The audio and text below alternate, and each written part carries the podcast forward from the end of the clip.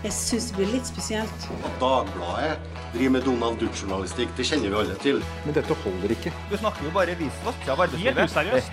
You are fake news. Go ahead. Hun har tilbrakt flere år i Syria som medlem av terrororganisasjonen IS. Hun har vært gift med to IS-krigere, som begge nå er døde, og hun er siktet av PST for terrorvirksomhet. Og mens vi gjør dette opptaket, lander hun og hennes to små barn på Gardermoen i et militært fly hentet hjem av den norske regjering. Vedtaket om å hente hjem også den terrorsiktede kvinnen, ikke bare hennes alvorlig syke sønn, er omstridt, for å si det forsiktig. Frp truer med å gå ut av regjering, og hevder kvinnen utgjør en alvorlig sikkerhetsrisiko etter å ha levd med IS i flere år. Det er også de som mener at hun ikke fortjener å returnere til Norge etter å ha vært med i en av de mest brutale terrororganisasjonene verden har sett. Men vi skal snakke mer om regjeringskrisa etterpå. Fordi først så må vi skjære gjennom all denne synsingen og sterke følelser som er ute og går. Så som vanlig har jeg invitert en ekspert til studio. Sofie Høgesel, du er eh, førsteamanuensis ved Juridisk fakultet, ekspert på internasjonal strafferett, og har bl.a. skrevet bok om straffeforfølging av fremmedkrigere. Velkommen hit. Tusen takk for det. Hvorfor er du enig med regjeringens vedtak om å hente hjem den terrorsiktede kvinnen og hennes to barn? Enig og enig. Jeg tenker at her i Syria nå så er det ikke så mange gode løsninger igjen på bordet. For det, det fins ikke en stor internasjonal løsning på dette problemet. Og da står man litt der at uh, de kurdiske selvstyremyndighetene, som jo er liksom ansvarlig for disse leirene som kvinnene er i, de vil ikke ha det ansvaret lenger. De har bedt stater om å hente hjem sine egne statsborgere. Og da er det jo en pragmatisk løsning å hente hjem uh, statsborger, norske statsborgere når man selv når man ser at et av barna er så syke som det uh, advokaten til barnet hevder. Det er jo det er for så vidt bred politisk enighet. eh, Til og med Frp også mener at skal hente hjem disse barna, og særlig selvfølgelig den syke gutten. Men, eh, men hadde det vært realistisk bare å hente ut den syke gutten? Det er et veldig godt og vanskelig juridisk spørsmål. Uh, som fagmiljøet på jussen har diskutert ganske mye det siste året. Kan man, har man, har norske stat lov til å reise ned til Syria og ta fra, uh, ta fra mor et barn, kanskje mot mors vilje? Eh, og det har nok regjeringen nå konkludert at det kan ikke staten Norge gjøre. Og det var kanskje den største overraskelsen for meg når eh, utenriksministeren holdt sin pressekonferanse og forklarte hvorfor, eller at de skulle hente hjem eh, disse to barna og moren, at hun var så tydelig på at den norske stat ikke kan gå inn og skille. Det er foreldrene som bestemmer over barna sine, og det kan ikke den norske stat gripe inn i. Derfor valgte man å hente hjem begge to.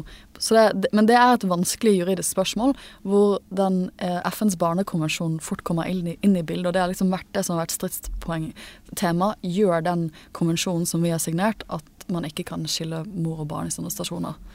Og Sylvi Listhaug har jo beskyldt kvinnen for å skyve barna foran seg, og det kan man mene hva man vil om, men, men det er jo også et spørsmål om hva de kurdiske eh, selvstyremyndighetene har sagt. De har jo også for så vidt ment at uh, man ikke bare får lov til å hente ut barna. Ja, de har også lenge hatt som policy at man må, hvis man skal gå inn og hente ut barn, så må man gjøre det sammen med mor. Så her er det sånne juridiske problemstillinger som er vanskelig å løse opp i. Og så er det også praktiske realiteter med de forholdene som disse kvinnene og barna sitter i i leirene. Eh, Frp vil jo da heller dømme dem der de er, som det heter. Eh, det vil si altså en domstol i Syria. Og det er vel også vanlig egentlig at man blir dømt der hvor forbrytelsen har, er begått. Absolutt. Så eh, utfordringen her er vel er det realistisk å få til et rettsoppgjør i Syria? Absolutt, og det, det er nok Jeg er helt enig med, med Frp her at grunnlaget i strafferetten er at man skal straffes der forbrytelsen har funnet sted. Det handler ikke minst om at uh, da kan ofrene delta i det strafferettsoppgjøret. Uh, og, og, og man, det er lettere å hente vitner, og alt er praktisk rundt en sånn rettssak. Men realitetene er jo her at man ikke har noen gode lokale domstoler som kan ta disse sakene. Vi har sett at Irak har hatt noe, noen saker mot uh, fremmedkrigere, men problemet litt fra norsk side er jo at irakiske domstoler praktiserer dødsstraff, så det er vanskelig for Norge å jobbe med de uh, og få de til å liksom straffefølge våre fremmedkrigere. Og så har jo en del av disse forbrytelsene skjedd i Syria, og syriske domstoler for øyeblikket virker ikke å kunne håndtere et så stort antall saker. For det er jo ikke bare snakk om et knipe nordmenn, det er snakk om flere hundre uh, utenlandske fremmedkrigere.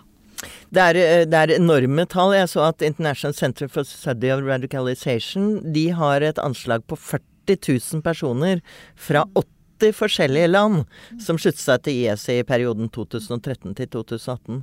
Og, men nå anslås det vel at det er eh, ca. 800 eh, europeiske fremmedkrigere. Noe sånt noe. Og da er det jo noen som også snakker om internasjonale domstoler, altså disse såkalte eh, menneskerettsdomstolene, slik som Jugoslavia-domstolen. Eh, er det et godt forbilde og noe som, uh, som altså, I min ideelle verden så hadde man absolutt skapt en internasjonal straffedomstol for Syria. Og det har man på mange måter forsøkt å gjøre helt siden Syria-konflikten brøt ut i 2011. Og det er litt det som kanskje gjør dette ekstra vanskelig. For det er ikke bare snakk om forbrytelser som har blitt begått av IS her. Det er jo et veldig komplekst bilde med mange forskjellige grupperinger som man mistenker har begått f.eks. krigsforbrytelser i Syria.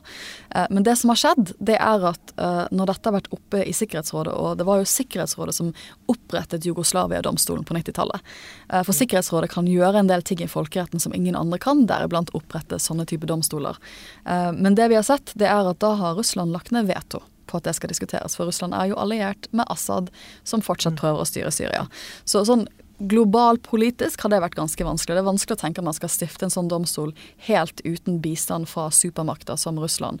Så ser vi også nå at uh, USA heller ikke noe, viser noen stemning. De ønsker jo også at de skal hente hjem altså vestlige land skal hente hjem sine fremmedkrigere. Så det ser ikke ut som de har lyst til å, å, støtte noe sånn utenrikspolitisk. Sverige har jo prøvd å ta et initiativ og vil at EU skal forsøke å starte en sånn domstol. Det har EU aldri gjort før. Men det mm. er noe man prøver å jobbe med. Men jeg har vel ikke et inntrykk av at man har kommet så mye lenger med det arbeidet enn det man hadde i mars 2019, da det ble foreslått. Hvor effektive er sånne domstoler egentlig? Oh, ja. Jeg følte liksom at, jeg følte at Jugoslavia-domstolen har fulgt ja. meg siden, siden krigen i Jugoslavia? Ja, altså internasjonale straffedomstoler var, jeg, jeg skrev doktorgraden min om hvordan internasjonale straffedomstoler velger saker. altså Hvordan de velger ut hvem de skal tiltale. For de har jo så mange personer de kan tiltale, så har de ganske lite ressurser til å velge ut et lite knipe med folk. Uh, og så tar det jo veldig lang tid. Altså Jugoslavia-domstolen har jo brukt 25 år på å straffefølge ja, det blir vel 160 personer.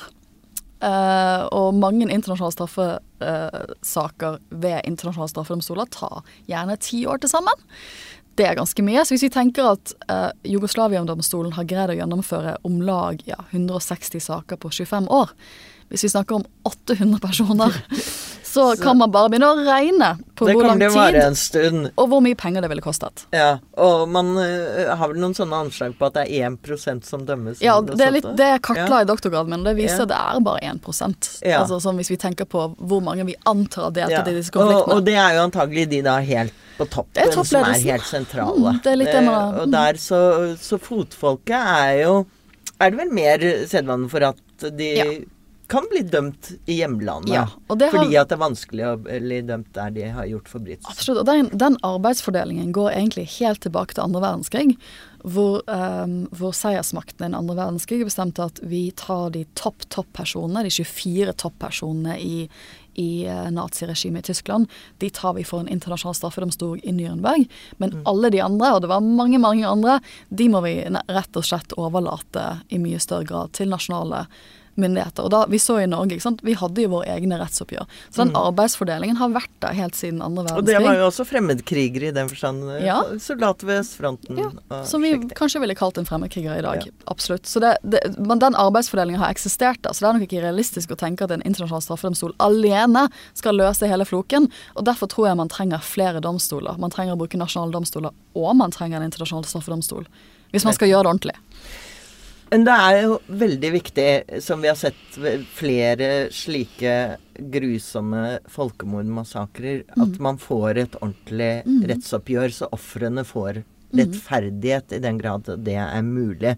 Men de må i hvert fall oppleve det. Blant annet eh, massakren av jesidibefolkningen, Ja. som jo eh, har vært beskrevet i grusomme detaljer. Og kvinner som ble holdt som slaver, og mye mye annet uh, avskyelige handlinger som er blitt begått i IS navn. Og da er spørsmålet hva har andre land gjort? Hvis vi sammenligner, er, er liksom dette at Norge nå har noen oppgjør hos oss, er det helt uvanlig? Eller er det andre land som også prøver å Det er ikke helt uvanlig, litt fordi at man ser at denne internasjonale løsningene er litt låst for øyeblikket. Man får ikke opprettet disse internasjonale domstolene i Syria i dag. Derfor ser vi at særlig grupper som representerer ofrene, jasidi-grupper som representerer ofrene for IS, de prøver nå aktivt å få særlig europeiske land til å ta saker. Vi ser at Tyskland f.eks. har tiltalt en kvinne for eh, deltakelse i IS, men også for at hun angivelig skal ha vært med på å um, Hun hadde en jasidi-slave, en, ung- en ung jente, som døde under hennes oppsyn. Så hun er da, det er en, og det har de definert som en krigsforbrytelse, så hun blir tatt for begge deler. Og denne uken i Sverige så ser vi at det kommer reportasjer om at eh, svenske politi nå ser på også anklager rettet mot svenske statsborgere som går på jasidi-befolkningen. Så det, det ser vi, det skjer jo litt fordi at um, offergrupper og NGO-er som jobber med disse typer forbrytelsene, de ser at det ikke er noen mulighet i Syria akkurat nå, så de prøver å få disse sakene inn for fungerende domstoler i Europa.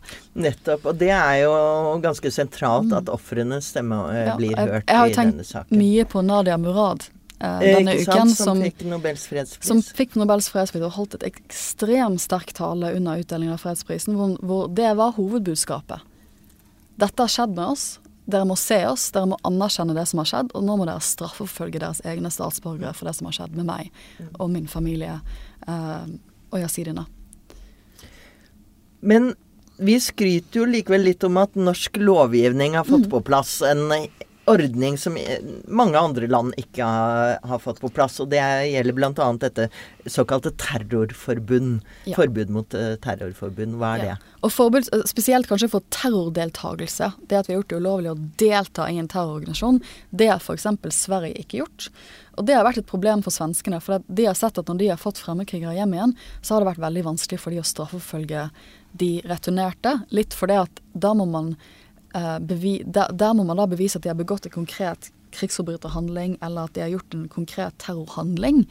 Mens vi i Norge vi har et lovverk som også kriminaliserer det å delta i en terrororganisasjon. Og det Høyesterett har sagt at det betyr at du har kommet med aktive bidrag som hjelper å opprettholde terrororganisasjonen. Og Det betyr da at du må ikke bevise påtalemyndigheten må ikke bevise at du har gjort en konkret terrorhandling i Syria, eller at du har vært med på en konkret stridshandling. De må bare bevise at du har bidratt til IS på en eller annen måte som, som, bi, som, som gjør at de har kunnet styrke seg og, og opprettholde organisasjonen sin. Ja, fordi denne kvinnen som eh, er hentet hjem nå, hun eh, påstår jo selv at hun, at hun nærmest bare har drevet med matlaging og barnepass. Og også at hun flere ganger forsøkte å rømme, men at hun nærmest ble holdt mot sin vilje. Eh, vil man vurdere sånn eh, Det er jo kanskje formildende omstendigheter, men, eh, men vil, Tenk- det vil ikke gjøre en straffefri. Jeg tenker at eh, det er alltid viktig å høre forklaringen til en mistenkt person. Det, skal jo, det blir jo en lengre etterforskning nå antageligvis i denne saken. Og jeg kan jo bare si at overordnet så er det veldig mange som har blitt eh, varetektsfengslet i Syria, både menn og kvinner, som hevder at de bare lagde mat i IS. Da var det en Eller kjørte ambulansen. Mm, og da var det en journalist som tweetet et bilde av, eh, av en del av de som var i varetektsfengsling. og Da hadde han spurt i sånn oppfølgingsspørsmål. Det må ha vært veldig god mat i IS. Og da ble alle veldig stille. For det er klart at alle kan ikke bare ha lagd mat. Um, men det, så det er ikke unormalt i disse sakene at man ser at man hevder den type deltakelse.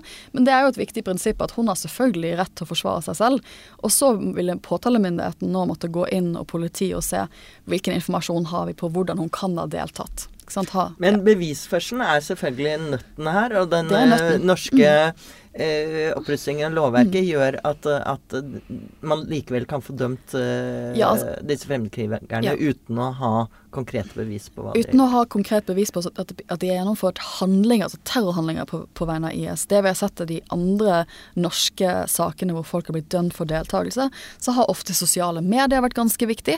Vi vet jo at IS har brukt sosiale medier ganske aktivt. Liksom. De har tatt bilder av seg selv. De har skrevet propagandalignende tekster, som jo er en måte å bidra på.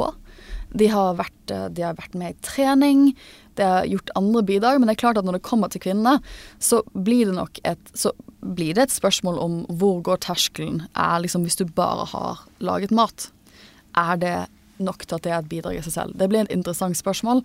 Samtidig så har Norge allerede dømt en kvinne for å delta i IS.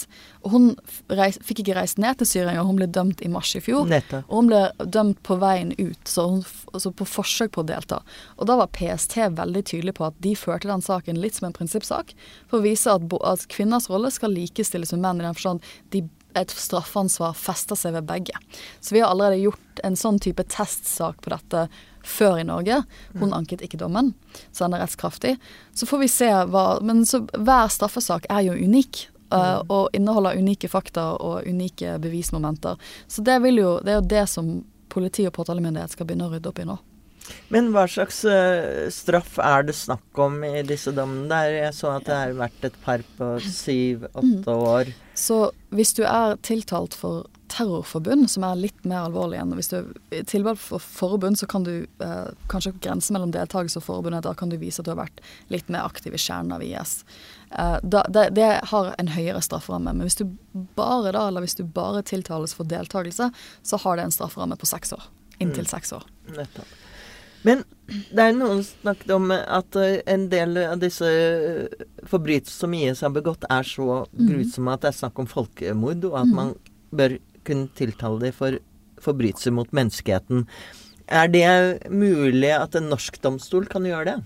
Det er absolutt mulig. Norge endret lovene sine i 2008 og tok inn et nytt kapittel i straffeloven vår, kapittel 16, som gjør det ulovlig Som gjør at vi kan straffølge eh, folkemord, forbrytelser mot menneskeheten, krigsforbrytelser. Og det er også forhold som straffeloven spesifiserer at ikke kan foreldres. Så selv om man ikke finner bevis i dag, skulle det dukke opp bevis om 10-15-20 år, som er ofte det som har skjedd i f.eks. tidligere Jugoslavia, at det tar litt tid å, å, å, klare, å finne bevis. Og for så vidt i Tyskland, hvor man fortsatt har straffesaker mot tidligere fengselsvakter. Uh, I Auschwitz, f.eks. Tenk det. Tenk det. Det er jo fordi at disse forholdene er så alvorlige at de aldri foreldres. Uh, og det er også tatt inn i norsk straffelov. Men bør de gjøre det, eller? Jeg mener jo, og det, tror jeg, jeg var jo en interessant runde i Dagsnytt 18 for to dager siden hvor statsadvokaten var representert, og de var jo veldig tydelige på at de selvfølgelig ser på alle mulige forhold når de etterforsker de sakene de har hatt så langt. Um, men jeg tenker at det er veldig viktig prinsipielt, for det er klart at hvis du har vært med på en konkret uh, krigsforbrytelse, så har det en mye lengre strafferamme. Da snakker vi strafferamme på 30 år plutselig. Og det er jo det du Altså deltakelse i IS blir litt mer indirekte for det du egentlig har vært med på. Det er det som er representativt for det du har gjort. Og da skal du Det selvfølgelig blir mer krevende å bevise. Men det er mye mer krevende å bevise, og spesielt akkurat nå. For det at det Mm. er Altså, tilstanden i Syria på bakken nå er så kaotisk, og det Det er jo kartlegge krig, fortsatt. Det er jo krig fortsatt. Ja. Du har Tyrkia som har, som Ja. har kommet inn i deler av Syria nå, som har gjort Mm. tilstanden enda mer kaotisk. Så det vil kanskje ta litt Altså det er jo folk, mange folk som jobber aktivt med å hente ut bevis, men det å kunne klargjøre bevisene for den type forbrytelser kan kanskje ta litt tid.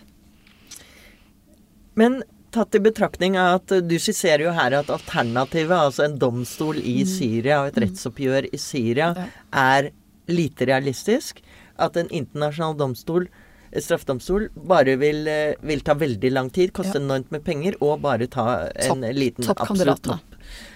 Bør vi ikke da hente hjem flere?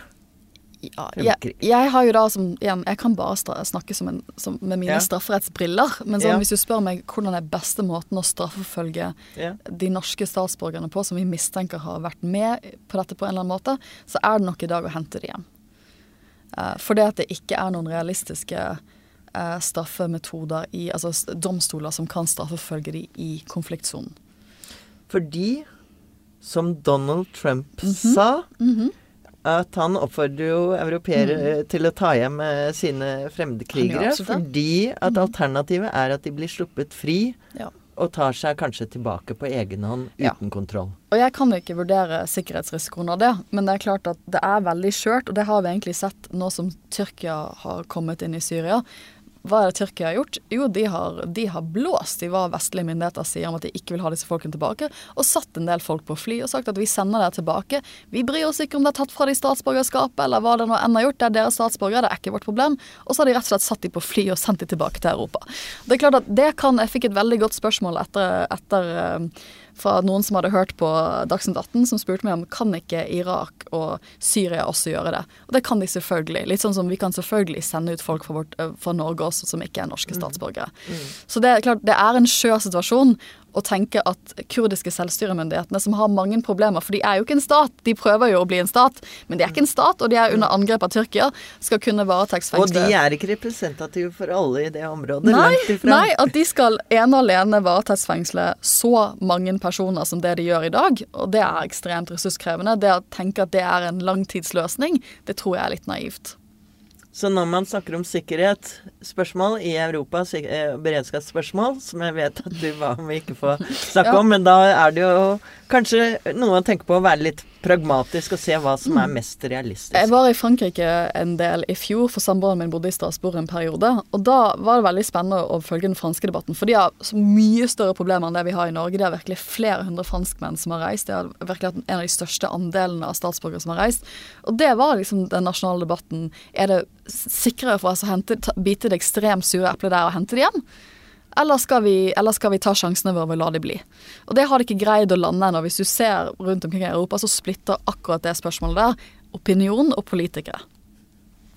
Og som jeg innledet med å si, at det er mye følelser rundt der. Og det er ingen uh, ting å si på at folk reagerer på at den terrorsiktede kvinnen skal bringes hjem, og at det er et omstridt spørsmål. Det skjønner vi godt. Men tusen takk, Sofie Øgesøld, for at du i hvert fall oppklarte litt fakta og alternativene her. For det tror jeg er viktig at vi får med i debatten. Tusen takk for at jeg fikk komme.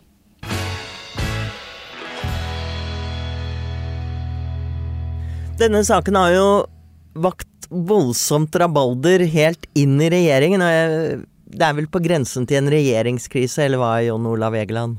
Jo, det tror, jeg vi må, det tror jeg vi må kunne si. Opprøret i Fremskrittspartiet er så sterkt at eh, Siv Jensen neppe kan, eh, selv om hun ville, eh, se bort fra det. Og hun jo da, er i ferd med å utarbeide en kravspesifikasjon på, på hva Frp vil ha ut av regjeringen som skal overleveres statsministeren på mandag kommende uke. Og hvis den listen er slik det er grunn til å, å frykte, eller håpe, det er jo avhengig av hva man mener, at, eh, at det er sterke krav der, så er vi jo rett i regjeringskrisen. Det kan det ikke være noe tvil om. Ja, og det er en litt spesiell uh, form for eh, regjeringssamarbeid, hvor man re reforhandler regjeringsplattformen med jevne mellomrom. Ja, altså Dette har aldri vært sett, eh, noe lignende har aldri vært, sett i norsk politisk historie noensinne. For det første, den måten Siv Jensen også beskriver regjeringen på som en grå masse som, som, som blir lite inspirerende. og hvor, som en regjering Jeg tror nesten ikke Dagbladet har beskrevet regjeringen verre på lederplass. Ja, man skulle tro at hun hadde lest og, og sitert det, for dette er jo mange som mener dette. Men at, at eh, regjeringens eh, nestleder, finansministeren, statsråd i en sittende regjering karakteriserer sin, sin egen koalisjon på denne måten, det har aldri skjedd før. Særlig også fordi hun tar førersetet og stiller krav til statsministeren. Normalt så er det jo statsministeren som stiller krav til sine statsråder. Så her er svært mye, mye stilt på hodet. Men det som, for å rekapitulere litt Det vi foreløpig vet, er jo at det ble en slags enighet mellom de fire partilederne og utenriksministeren i oktober, eh, det, var det vel, eh, om, om at eh, man skulle ble nødt til å få hjem denne syke gutten på et eller annet tidspunkt. Og Erna Solberg har sagt at det var Han skulle ikke dø på hennes post, som hun sa. Og det er klart at det ville vært eh, helt eh, en voldsom politisk belastning også, i tillegg til det humanistiske siden med det. Men så har jo de da plutselig presentert at de også vil ta hjem eh, moren til denne syke gutten, som er den terrorsiktede IS-kvinnen. Og det er det som skapte voldsomt rabalder og protester i eh, Fremskrittspartiet. Men var det overraskende, eller? Nei, det var ikke overraskende at uh, dette er vel på en måte en sak som, uh, skal vi kalle det høyreopposisjonen i, i Fremskrittspartiet har ventet på. De har jo hatt ulike saker før. De har hatt uh, taxfree-salg, de har hatt uh, bompenger osv. osv. Men her kommer jo på en måte den perfekte saken å, å på en måte prøve å komme ut av regjeringen på. Det er en sak som kombinerer innvandring med terror. Eh, og politisk sett er det en, er gunstig for Fremskrittspartiet, uansett hva man måtte mene om, om, om det politiske innholdet her. Eh, slik at eh, Det som er litt rart, eh, det er jo at, ikke, at Siv Jensen på en måte ikke har kommunisert dette til sine egne folk før nå helt på slutten hvor dette foregår. Det har vel antagelig noe med sekretesse å gjøre, fordi dette har vært en hemmelig operasjon. Mm. Mm. Så det finnes vel noen, noen fornuftige grunner der. Men, men, det er klart at politisk så kommer dette som en, som en bombe på de andre. Uh, og, og, får da den, en større sprengkraft enn, enn hva som ville kunne vært mulig å lande saken roligere. Men her har nok hensynet til den hemmelige operasjonen vært uh, den, det, det, vesentligste for at det ikke blir kjent før. Men etter det vi vet, så er det jo ikke en bombe at de også måtte endte med å måtte ta moren med hjem. Eh, som vi har forklart i det tidligere innslaget her, så hadde de ikke stort alternativ til det. Og dette burde jo Siv Jensen, som en av de mest informerte på dette området, visst. Ja, det, det, det er jeg helt enig i. Og uh, det er ganske innlysende, også, både, altså både ut fra de faktiske forholdene. Eh, i denne del av verden hvor hun befant seg med disse barna, men også i forhold til også internasjonale regler og prinsipper for hvordan man behandler barn og mødre. Så, så, så, man, så det, er dette helt innlysende at dette, dette måtte være en, en, løsning som var, man måtte være åpen for hvis man skulle redde livet eller helsen til dette ene barnet. Slik at Når man ikke har vært forberedt på det, så syns jeg man har tenkt dårlig. En annen sak er jo at uh, det kanskje er en fordel om vi tar rettsoppgjøret med våre egne IS-krigere, istedenfor at de blir der ute hvor det ikke er noen domstol og de kanskje ikke får noen rettergang i det hele tatt og rett og slett går fri. Så det er ikke helt enkelt dette spørsmål om å ta hjem IS-krigere eller ikke. Og det er jo også et sikkerhetsspørsmål, om man skal uh, de gå fri nede i Syria, og så kommer de tilbake uten kontroll. Ja, og det, det, dette er jo en av de store sikkerhetsspørsmålene. Det er noe annet hvis man på en måte tar eh, folk hjem, man stiller dem for, for, for en domstol, og, og, hvis de er skyldige, så blir de dømt. Da har man også en mulighet for å foreta en rehabilitering etterpå. Uh, hvis de derimot svever rundt i det internasjonale terroristsamfunnet, så, så, er det jo klart at det er mye større sjanse for at de dukker opp et eller annet sted, ikke nødvendigvis i Norge, men et eller annet sted i forbindelse med terroraksjoner. For vi må ikke tro at IS er død, selv om det såkalte kalifatet ikke lenger eksisterer. Hva har egentlig Frp å tjene på å gå ut av regjering nå, tenker jeg. At det er jo Altså På den ene side så jo, tilsier jo fornuften at de har sittet i denne regjeringen i seks, eh, snart syv år. Eh, da, da, vil den likevel hefte ved Frp også opp mot neste valgkamp. De vil måtte stå inne for det. Men samtidig så er jo ikke Frp har jo en tendens til å oppheve den politiske tyngdekraften i slike spørsmål, og at de klarer da å ta en friere rolle og kan stå utenfor og si f.eks. at ja, vi prøvde så godt vi kunne, vi strakk oss langt, men til slutt så var det absolutt helt umulig, og særlig etter at Venstre og KrF kom inn. Og det vil velgerne godta. Ja, nå tror jeg du ga dem noen av de beste argumentene for hvorfor dette er mulig. Jeg tror faktisk at det er et usedvanlig godt tidspunkt. Eh, det er nokså lenge ennå til valget, eh, i underkant av to år. Det er en tid til å legge avstand bak seg til å få markert avstand til den eventuelle mindretallsregjering med Erna Solberg som fortsetter. Uh, det er tid til å markere sine egne uh, saker, og det er tid på en måte også for å plassere sin egen rolle i den forrige regjeringen på en måte som er gunstig for partiet. Så Det er ikke noe tvil om at skulle man for eksempel, altså vil man gjøre noe, så er dette et veldig godt tidspunkt, og, og for så vidt også en god sak for Fremskrittspartiet å gå ut av regjeringen på. Så hva er din uh, spådom? Har du noen spådom for hva som skjer neste uke? Jeg pleier alltid å, å si at uh, alle som liksom skal, skal, skal tippe hvem som får Nobelprisen ti minutter før noen kommer i døra på Nobelinstituttet, det, er, det skal man ikke gjøre. Uh, jeg tror det kommer helt an på hvor, hvor Fremskrittspartiet legger disse kravene.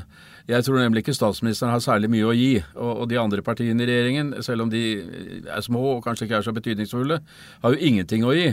Eh, slik at, at Erna Solberg skal påta seg eller ta, bøye hodet dypt for Siv Jensen, har jeg veldig vanskelig for. Hun har vel allerede signalisert at her er det ikke noe ja, i. Hun det, sier at uh, vi har forhandlet Granevolden, uh, og den, var, den, plattformen var Frp veldig fornøyd med sitt gjennomslag i. Altså, hvis de bare kommer med en del krav som gjelder på en måte bedre terrorsikkerhet i eller noe sånt, så kan det vel hende at dette går. Men hvis eh, de, de har jo sagt, og det har jo Siv Jensen selv sagt, at det dreier seg mer og mer enn denne IS-kvinnen og den konkrete saken, men om hele samarbeidsforholdene i regjeringen, har hun hele veien sagt. Og, og, hvis hun skal ta opp det og på den måten, så er jeg vanskelig for å tro at, at den regjeringen har noe særlig lengre levetid. Så dette er egentlig avhengig av hva Siv Jensen og Frp vil? Det er, ja, det, det, er, det, er, vel ikke bare hva Siv Jensen vil, men hva hun også må akseptere fra kreftene innad i partiet. Det er jo ikke bare statsministeren som er under press når det gjelder sine autoriteter, mm. det er også Siv mm. Jensen mm. fra sine egne. Hun har jo holdt eh, kustus på opprørerne i, gjennom mange år. Eh, men her er det kommet en sak hvor dette opprøret sprer seg uh, fra de vanlige oppviglerne. Ja, ikke sant. Det er langt ifra det mindretallet i stortingsgruppa som uh, alltid opponerer.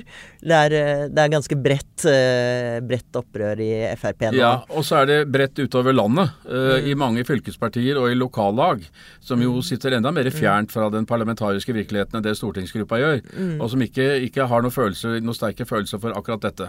På den annen side så er jo politikk handler om makt. Og, og, og sitte i regjering. De har klart å snu sånne, sånne, ting før. Altså Kjell Magne Bondevik, jeg snakket med han forleden. Han, han er en, en, politiker som vet hva makten betyr for folk. Og han eh, trodde at Siv Jensen likte for godt å sitte i regjering til å ville gå ut. Ja, Der vet han vel akkurat hva det handler om, for alt tyder på at også Bondevik var glad i å sitte i den posisjonen og med den makten. Det er helt sikkert. Vi, vi får vente og se til neste uke hva som, eh, hva som skjer. Hvem som blunker først av Siv og Erna. Takk for at du hørte på Siste med Marie Simonsen. Dette var en dramatisk eh, pod, eh, så dere får ha en fredelig og god helg.